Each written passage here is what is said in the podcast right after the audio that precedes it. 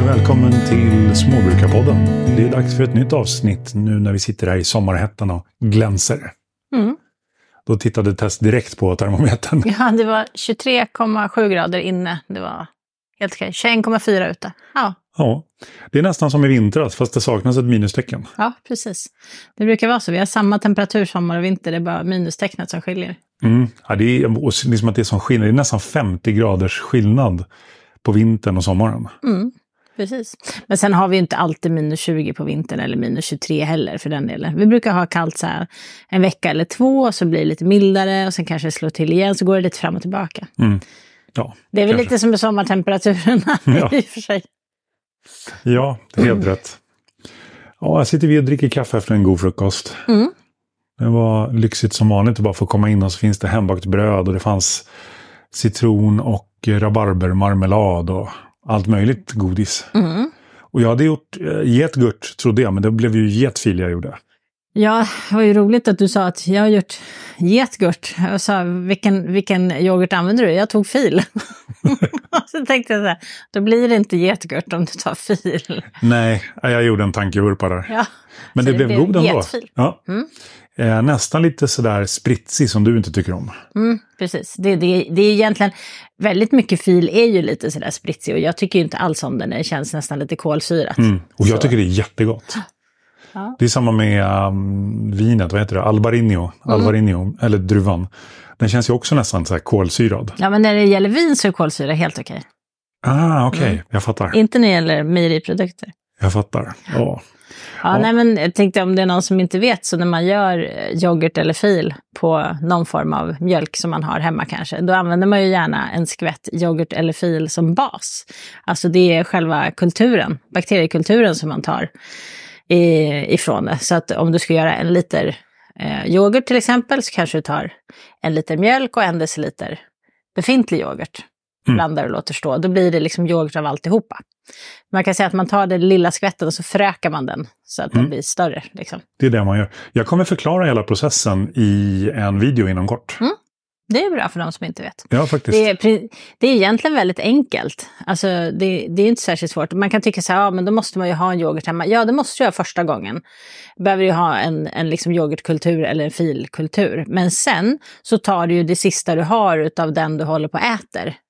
Eh, och så gör du mer på den. Så då behöver du inte köpa ny yoghurt för att göra yoghurt. Nej, Utan du behöver bara ha det i början. jag visste så. Och anledningen till varför vi hade getmjölk från första början, det var ju för att Ministina har fått en killing. Mm. Och den killingen har bara snuttat på ena sidan, så hon var jättespänd i djuret. Mm. Så jag mjölkade ur henne igår och det blev en halv liter. Mm. Så då gjorde jag getfil på den. Ja, precis. Och hur smakade den? Den smakade fil. Ehm, väldigt lite getsmak på den om jag ska vara helt ärlig. Ja, generellt sett kan man säga på get och fårmjölk i alla fall.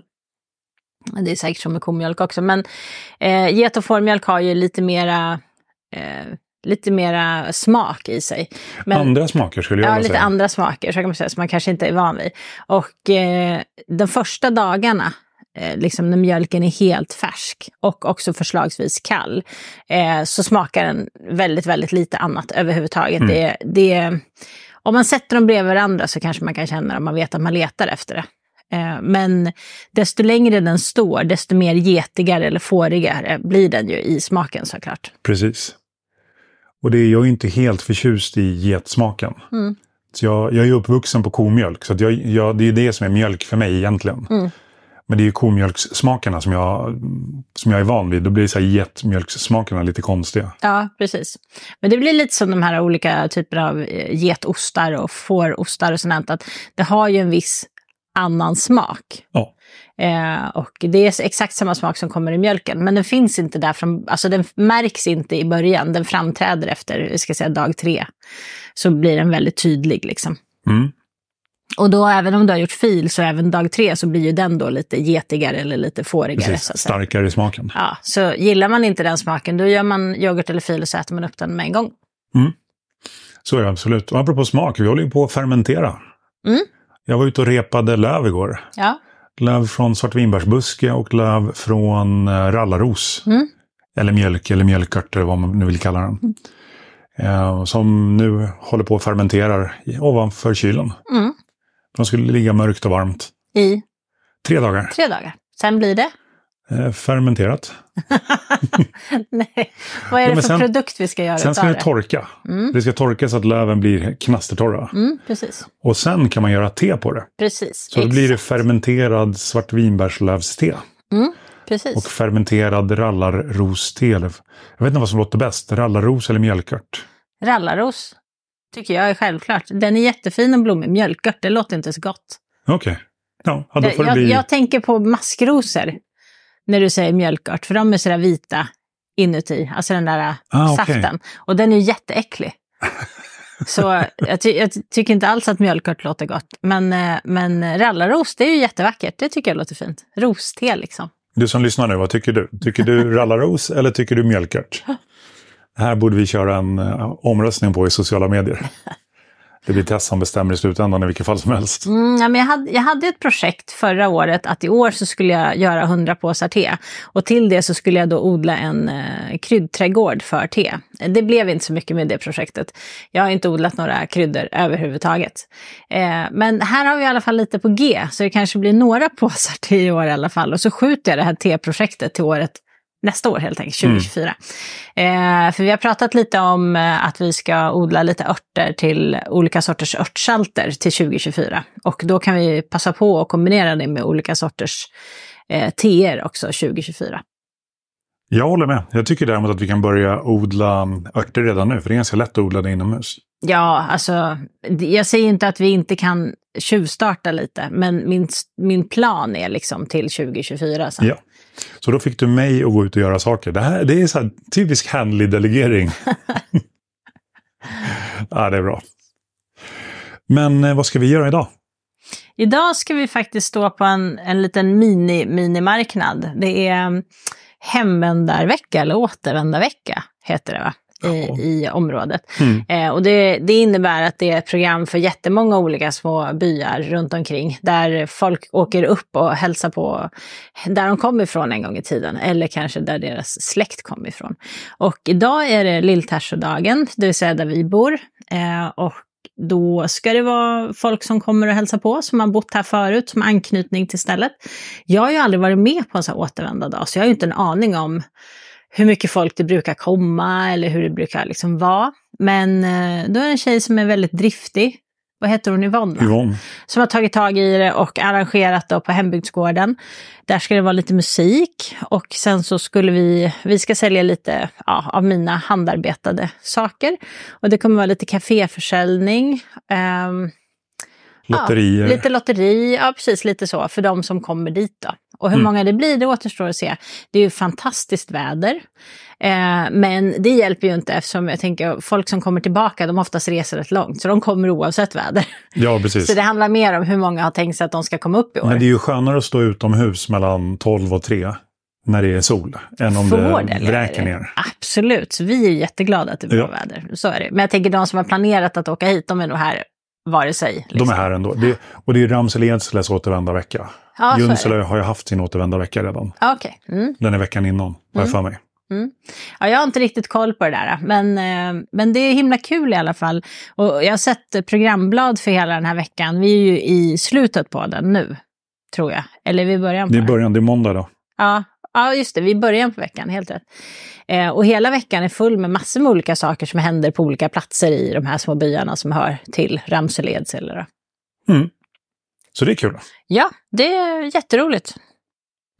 Och någonting som inte var riktigt lika roligt. Det var att jag inte fick äta någon chips igår. Vi har, Ja. vi har chipskris, förstår du? Det här är allvarligt. Mm. The struggle is real. Ja, och jag har ju förbjudit er att göra egna chips hemma också efter sista gången när, när någon gjorde chips i mitt kök. Och det var, jag fick skrubba i flera timmar för att få bort all inbränd olja. Så jag har sagt att det blir inga mera chips gjorda i mitt kök i alla fall. Nej, så jag får klara mig utan chips hur nu det ska gå. Ja, men du var ju med när vi bestämde den här halverade Hör du inte, matbudgeten. men hör du inte nu hur änglarna gråter? Ja, du bestämde att vi skulle testa att leva på hälften så mycket pengar i matbudget. Och jag är den som handlar.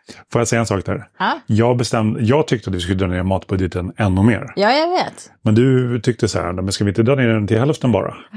Ja. Jag var ju nere på en sjättedel. Ja, precis. Ja, och jag tror det skulle vara omöjligt. Men nu har vi bestämt oss för hälften så det ska vi testa. Och resultatet av det blev att jag blev väldigt snål när jag handlade och köpte definitivt inte chips. Nej. Nej. Så det blev inga chips. Nej.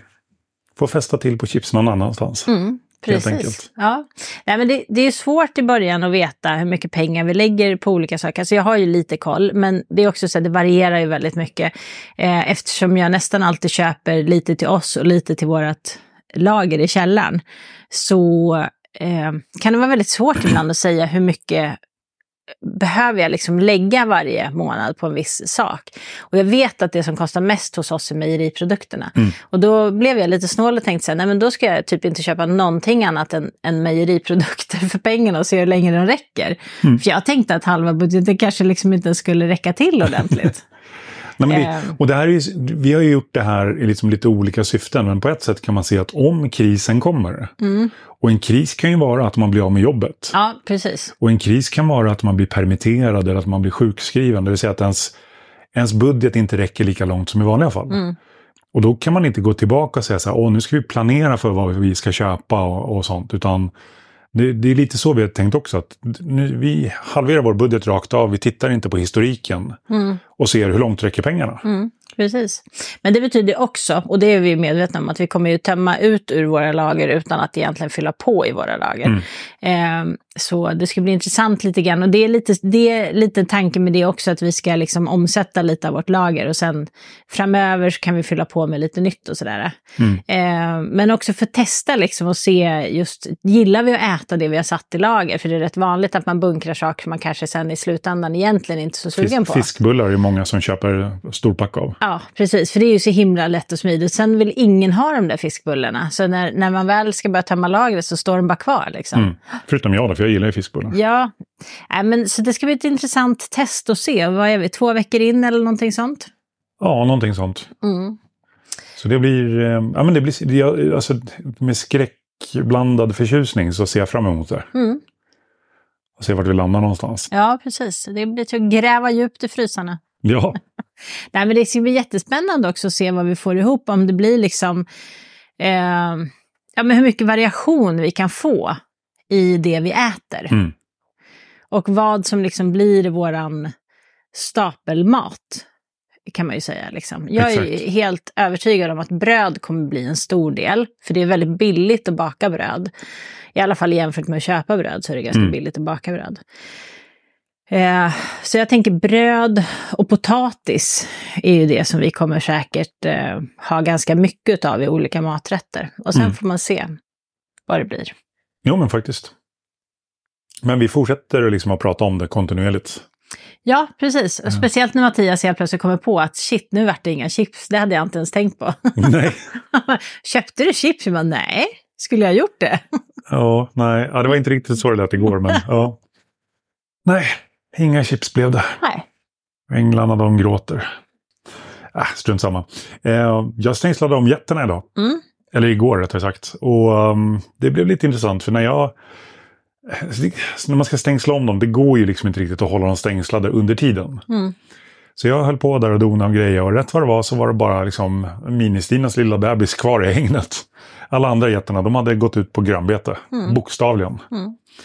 Ehm, det tar ju en stund att stängsla om, för nu är ju de i skogen. Mm. Och det är liksom... Det kräver lite eftertanke och planering och man det fastnar i allt. Och alltså, näten är som de är.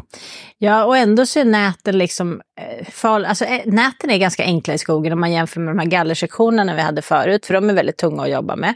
Mm. Eh, men näten är definitivt inte lätta i skogen, för det är ju så himla brötigt. Det är ju inte någon sån här fin liksom, tallskog som är helt clean i botten, utan Nej. det här är ju liksom eh, gammalt kalhygge, så allt liksom bråte, det ligger ju kvar under. Så det är ju kvistigt och tjorvigt och liksom eh, slyigt och så här halvuppväxt. Och, Mm. eh, försöka dra så här nät i det, det kan ju inte vara helt enkelt. Sen är det ju inte heller jämnt. Det är ju en, en stor backe kan man säga, som dessutom är väldigt gropig. Mm. Så eh, det är ju liksom inte så enkelt att få näten att eh, sitta liksom mot marken alla gånger heller. Sit, sitta, sitta hårt spända och täcka. Mm, precis. För det, det finns, det, det är en person i en av fårgrupperna som han är så hatisk mot den här typen av elnät som vi använder. Mm. Han kallar dem för döds, eh, mördarnät eller dödsnät eller Mm. alltihopa. Och så fort någon skriver någonting om dem då är han alltid där och liksom hatar. Mm. Eh, jag, blir så tycker det är lite roligt för jag har gjort en video om det också. Där vi liksom visar hur man ska använda dem. Mm. Jag menar, fel använt så är vilket stängsel som helst farligt. Ja. Men det är ju ofta man ser bilder på vilt som har trasslat in sig i gamla, ja, men gamla, gamla nät eller gamla, gammal stängseltråd. Som bara sitter, ja, ja, men bara Ja. vanlig stängseltråd som bara sitter. Ja. Så det är, ja jag vet inte, fel använt så är alla stängsel farliga. Mm. Ja, och framförallt så, så jag tycker det är hemskt att det är kvar så mycket sånt i skogarna. Mm. Eh, det, är- för mig är det så logiskt att sätter man upp någonting så plockar man ju bort det. Alltså när man liksom lämnar. Eh, för om man säljer gården så vet ju inte nästa att det sitter stängsel överallt där utan man inte Nej. säger något ens. Eh, men, men tyvärr är det ju så när man kommer ut i skogen så kan det finnas jättemycket gammalt som, som ingen använder men som bara sitter där. Och det är ju himla dumt för naturen för det där bryts ju inte ner. Och det Nej. kan också leda till skador som sagt att djur fastnar i det och sådär. Ja, djur dör, dör ju varje år på grund av det. Ja, Så det är, alltså det är tragiskt. det är verkligen sorgligt. Så det, ja. I vilket fall som helst, när jag höll på att stängsla där liksom, ja, i, i slutändan, nu har jag ju två nät, så då ska ju de dessutom mötas. Men jag lyckades ganska bra den här gången. Så när jag är färdig så där så liksom öppnar upp och gör i ordning med så de har fräscht vatten och liksom går och hämtar lite kraftfoder för att locka dem. Lockade in allihopa. De kom springande som galningar. Förutom nya ligan. Mm. Eh, därför att eh, Iris och Skilla, de kom in, men sen när de insåg att det inte var så mycket värt, så sprang de ut igen. Mm. För de såg inte att det var liksom nystängs, alltså nytt bete. Eh, men jag fick in dem till slut. Och sen hade jag bara Humle kvar, alltså stora bocken. Mm. Och han är rolig för han är så här långsam och sävlig och sådär. Jag hittade honom borta vid bajshålet där han stod, han stod och betade. För jag har ju så otroligt fint gräs där. Mm. Så han stod liksom bara stora tuggor liksom stod och tuggade där. Efter mycket om och men så fick jag liksom prata med honom så att han förstod att han skulle gå tillbaka. Men jag fick inte in hon- honom i hängnet. Så jag var tvungen att ta honom i hornet för att liksom leda in honom. Så idag när han kom så var, var han lite sur. Mm. Han ville inte låta mig komma nära. Eller sur var han inte, han var avvaktande. Ja. För han ville inte låta mig komma nära. Nej. Jag fick krafsa på rumpan lite grann. För det tycker han är superskönt. Men sen var det så här, nej du, du var inte snäll igår så jag litar inte på dig. Ja, men det är alltid så med nya djur. Man måste liksom bygga upp ett förtroende. Mm. Eh, Alltså ömsesidigt så att de inte är rädda för en. Det är jätteviktigt. Ja. Ehm, annars är det väldigt svårt att hantera dem. Ja, målet med, för det jag sagt, alltså med målet med våra djur är att de ska inte vara beroende av oss, men de ska vara nyfikna på oss. Mm. Så där, och kaninen Moja, han börjar ju bli nu med mig så att han kommer fram till mig. Mm. Eh, och får inte liksom ta på honom sådär mycket. Jag kan liksom dutta lite på honom när, när han sitter och äter. Eh, de andra kaninerna de är fortfarande väldigt restriktiva. Liksom. De, de vill hålla lite avstånd. Mm. Så, men Moja, han var ute på äventyr. Ja, han har ju varit ute på äventyr några gånger. Men det är, det är ju för att du har byggt så här jättefin eh, utebur så att han ska kunna gå och beta. Och så har du lite glömt att kaniner gräver. Ja, Så han var utanför buren. Han hade ingen in. golv. Ja, och sen så var han utanför buren igen. Ja. Men eh, nu har, såg jag att buren har fått eh, ett golv också. Inte den som står med tjejen i här precis Nej, men utanför. jag tyckte jag såg en annan. Ja, den som står nere vid hönshägnet. Det är Ja. från version 2. Ja, precis. Den hade golv. Den, den ska jag göra klart idag med så här fin lucka och lite annat. Mm. Tänkte jag. Mm. Så, um, så jag tar ju de gamla stängselsektionerna som är dåliga. Mm. Eh, och så så hundburssektioner. Mm. Och så gör jag, gör jag med dem så att det blir fina burar till kaninerna. Mm. Så jag tror att det blir ganska bra. Ja, det låter bra. Ja. Och du, du bakar ju jättemycket surdegsbröd. Mm. Och vi äter ju jättemycket surdegsbröd. Mm. Men du fryser också in en del surdegsbröd. Ja, men det blir ju så. Vi hinner inte äta alltid så mycket som jag bakar. Och det har, jag har ju faktiskt jag har dragit ner på det, så jag bakar ju mindre. Ehm, för jag gör mindre sats eh, åt gången. Liksom. Men eh, det blir ändå två bröd varje gång. Och då brukar det bli ett frysen och ett framme. Mm. Och idag så, och häromdagen så, så också så provade vi ju med att eh, tina, eller du provade med att tina ett fryst surdegsbröd Mm. i ugnen. Ja, precis. Ja, vi har funderat lite grann på om man skulle sälja surdegsbröd. Eh, så att baka dem och sälja dem färska är ju drömmen. Men alltså det kräver väldigt, väldigt, väldigt mycket. Eh, Mm. Logistikmässigt sett. Så... Och det är stor risk för svinn också. Ja, det är stor risk för svinn, så är det absolut. Eh, ja, faktiskt. Jag såg, häromdagen såg jag i en så här Facebookgrupp en kvinna som hade bakat jättemycket surdegsbröd till en marknad. Hon hade sålt ett, sålt ett bröd. Oh, vad Hon var hemskt. jätteledsen och visste inte vad hon skulle göra av allt sitt bröd. Mm. Eh, och det, det, det är ju hemskt om det händer, för man lägger ner så mycket kärlek och tid i det. Så förutom liksom kostnaden för mjöl och råvaror och sånt, så alltså, man lägger ner kopiösa mängder tid. Det är ju Mm. jättetråkigt om sånt skulle hända. Men vi har pratat lite om ifall att det skulle gå att sälja fryst surdegsbröd. Och det, är det är svåra är ju då att man vill ju ha den här skorpan när man har brödet, när man tinat brödet. Och tar man, sätter man brödet i frysen och sen tar fram det och låter det tina på bänken, då är ju brödet mjukt. Det, får ju en seg skorpa. Det är liksom inte en eh, frasig skorpa. Nej, precis. Den har ju en skorpa, men den har ju, den har inte den här härliga crunchiga texturen. Nej, precis. Och en del gillar faktiskt sega skorpor. Jag tycker egentligen att det nästan är godare. Konstigt nog. Men jag tycker de här frasiga är så...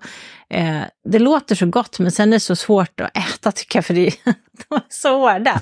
Jag gillar inte riktigt när det känns så här vass i munnen. Nej, och sen är det en annan sak du inte gillar. Mm. När du skär brödet. Ja, precis. Jag gillar verkligen inte när jag skär bröd och det känns som att det exploderar åt alla håll. Liksom. Som en splittergranat så får man städa hela bänken sen. Eh, men jag gillar lite sega skorpor, men frasiga skorpor kan också vara väldigt gott. Och jag vet att många tycker det är fantastiskt gott när den verkligen så här riktigt, riktigt frasar. Så, så frågan är då om man har liksom fryst in surdegsbrödet, om man kan få det att bli lika frasigt igen. Och svaret är att det går. Eh, brödet som vi åt i morse, det var som om det var nybakt. Alltså det hade nog... Jag tror inte du hade kunnat veta skillnaden om jag inte Nej, hade sagt det hade jag inte gjort. Ehm, Och då har jag ändå ätit väldigt mycket surdegsbröd. Ja, precis. Så att eh, vi håller på att klura lite grann på exakta processen hur man ska göra det. Men det är absolut inte omöjligt. Nej. Vilket är väldigt kul, för det betyder att man kan eh, baka surdegsbröd i en mycket långsammare takt. Eh, sätta det i frysen och sen samla liksom till en eh, marknadsdag. Eller man kan sälja löpande ur frysen om folk vill köpa. Så kan man liksom sälja ur frysen. Eh, sen vet jag mycket väl också att man måste ha tillstånd. Så det är inte att förglömma att ska man göra något sånt så behöver man ju söka tillstånd och ha rätt förutsättningar för bageriet och alltihopa. Ja, men det kommer vi ha när det väl är dags. Ja, precis. Ja. Nej, gott var det i alla fall. Mm. Jag, jag har ett projekt som jag tänkte hålla på med en stund. Och det är så att testa, du vet ägg, man kan ju testa om de är dåliga säger folk. Mm. Alltså man lägger äggen i ett vattenbad. Mm. Och om de ligger på botten då är de jättefärska. Mm. Om de ställer sig upp på botten då är de halvfärska. Mm. Eller halvdåliga beroende på hur man ser det. Och flyter de så är de dåliga. Mm. Tror inte du på det? Det finns jättemånga som säger att det är en ren skröna. Mm. Så jag tänkte jag ska testa det på något sätt. Mm. Typ ha två ägg och så, eller tre ägg och så eh, testa, skriver datum på dem och så får de bada i lite olika omgångar och, och filma det och sådär. Jag kan, jag kan säga så här, jag, när jag kokar ägg eh, så kokar jag dem oftast i så pass mycket vatten att eh, om de kan flyta så flyter de. Eh, och det är för att vi kokar våra ägg olika länge. Så jag plockar ur dina ägg före jag plockar ur mina ägg. Och har jag Mm. då för lite vatten i kastrullen så får mina helt plötsligt Bara... Pytte, då badar de. Ja, alltså de blir bara halvtäckta. Ja. Därför kokar jag oftast äggen i ganska mycket vatten. Ehm, och eh, då händer det ibland att några ägg flyter. Eh, fast att de är färska. Mm. Så jag vet ju att det där inte riktigt stämmer. Eh, jag tror att ibland stämmer det jättebra. Men jag tror att också på vägen, alltså när ägget är lite äldre, så kan det hända att det flyter. För det har ju att göra med hur stor luftbubblan är inuti helt enkelt. Och Precis. hur den sitter. Så kan det hända att ägget flyter fast att det inte har blivit dåligt. Och mitt tips är egentligen att lukta på ägget. För att när ägget blir dåligt så luktar det genom skalet. Man känner det Alltså man väldigt känner tydligt. det. Mm. Och om man har ägg som har blivit dåliga, ibland kan man komma in i köket och känna att nu är det någonting som luktar urk. Så börjar man lukta på äggen och då kan man plocka ut det ägget som är dåligt, för det Mm. luktar så illa. Eh, men även liksom när det är på väg, alltså när det precis har blivit dåligt och inte luktar så starkt och man känner hela köket. Så om man tar upp ägget innan man lägger i kastrullen och luktar på det. Och luktar det ingenting då, då är det inte dåligt. Även Nej, om det precis. fryser. Fry, fly, fryser? Jag vet inte vad jag pratar om. Även om det flyter. Även om det fryter. Ja. Ja. Jag vet att eh, Dennis på Torpliv, han sa också att deras ägg flyter när de är färska. Mm. Alltså när de tar dem från hönshuset och lägger dem i vatten, då flyter de. Mm. Det, alltså ägg är ju så coola. Det är verkligen en mirakelprodukt. Ja. Hur man liksom kan... De kan ligga i månader och blir inte dåliga. Mm. Och man kan koka dem och man kan steka dem och man kan förlora dem och göra allt möjligt på dem. Ja. Men däremot så våra ägg, förra sommaren hade vi problem med att de var de var inte dåliga, men de var inte jättefräscha heller. Och det var för att vi plockade, vi var dåliga på att plocka dem i hönshuset. Och då hade de fått ligga under hönan kanske i två dagar innan vi tog ut dem. Mm. Och då blir de... eh, Alltså det är de befruktade blir ägg. ja, det, det är befruktade ägg. Men de blir jättekonstiga om hönan hinner ruva dem två dagar. Mm. Eh, vitan blir liksom inte transparent utan den blir mjölkig. Och gulan får liksom en lite mjölkigare färg också. Mm. Så ägget ser väldigt skumt ut. Men det går att äta det. Det smakar inte annorlunda. Nej, det smakar inte Men det är annorlunda. bara det att ett ägg ska ju se ut som ett ägg ska se ut. Ja, alltså när man kläcker det så ser det ut som att det är dåligt. Och så luktar man på det så luktar det fortfarande bra. Men det ser inte fräscht ut. Nej. det, det var för att hönorna hade liksom ruvat på äggen ett par dagar. Så nu försöker vi vara snabba och plocka dem direkt. Ja, men det, Sen det är har vi lite problem med att kråkorna tar våra ägg så vi måste vara snabba för annars får vi inga ägg alls. Mm, men det har blivit bättre nu och eh, efter... Charlie tog ju en skata. Mm. Och den skatan ligger ovanpå eh, skjulet där hönsen bor. Så det är bättre. Men vi ska ju sätta på ett nät där också. Mm, ja, jag tycker att det har funkat, säg 14 dagar eller någonting så har det funkat jättebra. Men de senaste två dagarna har jag sett jättemycket fåglar där. Mm. Så att nu har de liksom bestämt sig för att det inte är farligt längre. Mm. Men nu har vi ett nät så det ska bara upp. Det ska vara upp. Mm. Inte idag. Idag har vi andra projekt. Och ett tredje projekt, eller så här, det här är väl någonting som vi bara diskuterar än så länge, men det är hampa. Mm. Ja, för att man ser lite nu och då att det så- finns så otroligt många positiva fördelar med hampa. Liksom det växer snabbt och det växer mycket och det blir stora jo- rotsystem och sådär. Det är jättebra för marken, tydligen. Alltså det, det, det, det är lite näringskrävande men återför också väldigt mycket om man sen vänder ner det i, i jorden igen så ska det tydligen vara väldigt Ja, bra det är väldigt mycket biomassa. och. Ja. Eh, Och vi pratar industrihampa ifall att någon undrar. Ja, självklart. Ja. Ingenting annat. Eh, nej, jag var lite sugen för att vi har ju väldigt eh, begränsade möjligheter att samla foder till våra djur. Alltså när det kommer till eh, hösilage och sånt så måste vi köpa allting. Ja. Vi har liksom inga, ingen mark alls för sånt. Eh, och då, då såg jag en bild på hampa och den var jättehög och väldigt, väldigt bladig. Eh, och då tänkte jag så här, det är jättemycket grönmassa på den. Ehm, och så tänkte jag, du brukar göra så här lövtäkt när du hamlar och Mm. samlar löv till djuren. Och tänkte att det blir ju inte så mycket, det blir lite så här snacks för dem. för vi har inte så många träd att göra det på kanske, eller liksom, det blir inte så mycket gjort. Men hampa tänkte jag, det kanske blir asmycket utan väldigt lite insats. Tänkte jag, det skulle kunna vara ett jättebra fodertillskott. Mm. Men jag har inte lyckats hitta än så länge hur bra eh, liksom, den gröna massan från hampa är för får och getter. Eh, jag har inte lyckats hitta liksom, någon, någon näringsanalys. Det är ju eller svårt. Det sådär. är, det är ett svårt ämne att googla på.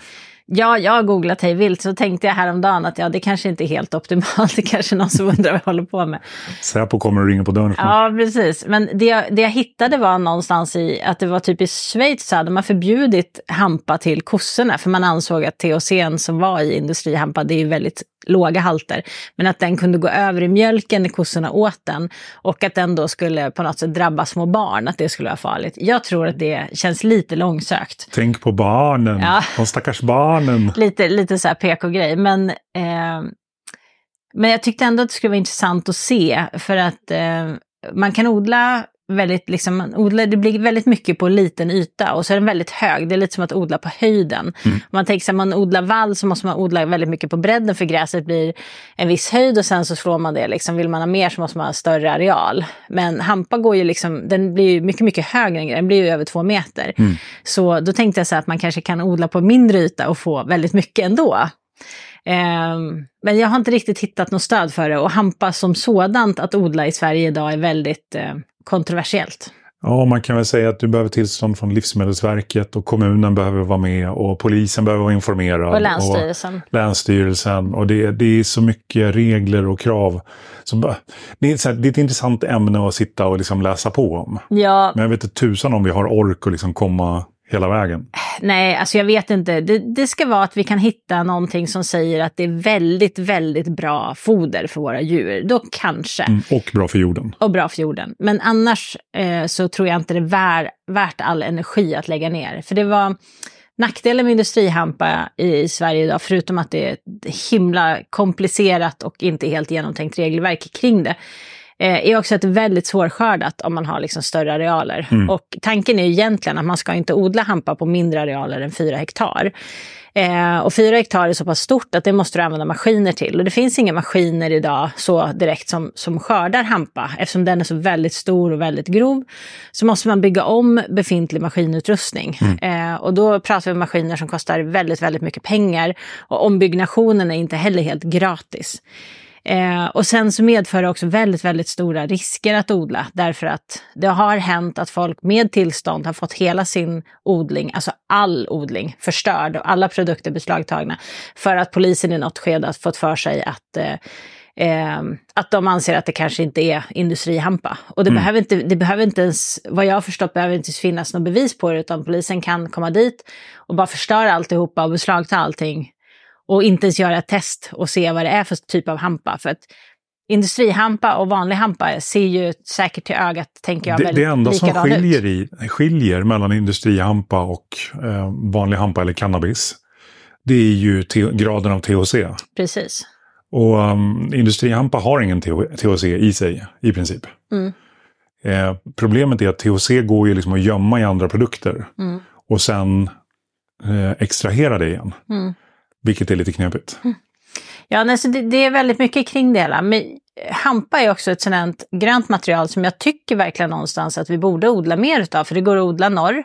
Alltså det går att odla på väldigt, väldigt många ställen. Det är väldigt tåligt. Det tål ända ner till minus 10 tror jag jag läste någonstans. Mm.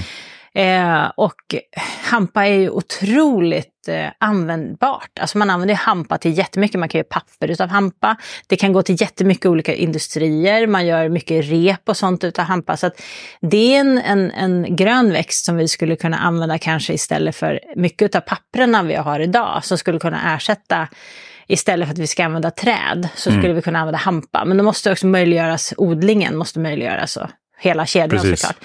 Men, eh, men skulle man titta på det så är hampa inte en dålig växt egentligen på något sätt. Nej, hampafrön är gott. Hampafrön är gott. Och jag är ju sugen på uh, alltså fibrerna. För man, borde kunna göra, man kan göra kläder av det också. Mm, precis. Nej, så att... Eh, men jag har inte hittat än så länge när jag googlat lite lätt eh, någon som har odlat hampa just som djurfoder. Utan jag har bara hittat sådana som odlar hampa för produktion av annat liksom. Ja, jag, jag har hittat en studie, eller ett rykte om en studie, Mm. där LRF gjorde en provodling. Mm. Så jag håller på att leta reda på vad den studien heter, och, för det, eller vad den rapporten heter. Och liksom så. så det går att läsa. Mm. Så det kan bli intressant. Ja, vi ska i alla fall utforska det. För jag, ty- jag tycker alltid det är kul när vi kan... När, alltså jag tycker det är kul att göra lite okonventionella saker. Oh ja. Jag tycker det är väldigt tråkigt att bara säga, aha, det går bara att odla potatis här, då odlar vi bara potatis. Och så undrar man aldrig om, tänk om det hade gått att odla något annat liksom. Mm. Eh, så jag, jag, vill jätte, jag tycker det är kul att hitta lite andra vägar och faktiskt våga prova på någonting som kanske inte är så himla vanligt liksom. För att annars har man ju inte en aning om hur det ska gå. Nej.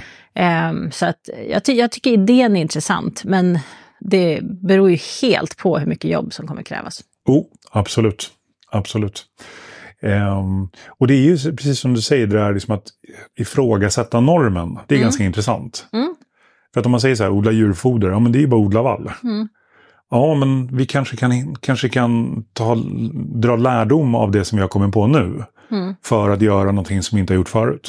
Precis. Eller så går det inte alls. Nej, exakt. Och odla vall är ju liksom, det är ju sådär, ja absolut om du har marken till det. Men har du inte marken till att odla vall, så då är det ju himla svårt. Vi har ju tre hektar, men två hektar är ju skog. Mm. Eh, och en hektar, det är ju liksom gården och alla ytorna runt omkring här. Och det blir liksom ingenting när vi tar bort huset och växthuset och djurhagar och, och liksom all, det, det finns ju ingen yta kvar, det är fullt. Så Det är väldigt lite kvar. vi har ju liksom ingen möjlighet att odla vall på det sättet. Nej. Eh, Så att då är det kul att försöka titta, kan vi hitta andra sätt att odla en del av vårt egna djurfoder? Faktiskt. Så det är, ja, så tänker vi. Så tänker vi. Jag tänkte eh, läsa en dikt. Mm. Tjoff sa det så tappade vi 90% av alla. Alla klickar av nu bara, stäng av. Nej, men jag tror att ni kommer tycka om den här. Det är Lennart Sjögren som har skrivit den här. Det är, den heter Gräset ur samlingen Stockholm central från 1980. Så det är liksom inte, jag brukar alltid så samla på gamla grejer, men den här är hyggligt ny. Mm. Den är bara, vad blir det, 20-40 år. Så här. Det är, inte gräset, det är inte lien som biter gräset. Det är gräset som till sist äter ner lien till en smal klinga utan stål. Nersövd till rost. Sover den sen i det övervuxna gräset. Jag tyckte det var en väldigt kul eh, så här, omvänd take på liksom, att det är lien som slår gräset. Mm. För att det är, gräset nöter ju faktiskt också ner lien. Mm, precis. Det var fint. Mm. Mm. Så allt är inte vad det verkar vara. Nej. Nu ska jag gå ut och slå med lie. Jaha. Eller jag kanske ska låta gräset eh, nöta ner lien. Ja, precis. Ja, men gör det du. Ja. Så hörs vi nästa gång. Det gör vi. Hej då! Tack till dig som lyssnar. Hej då!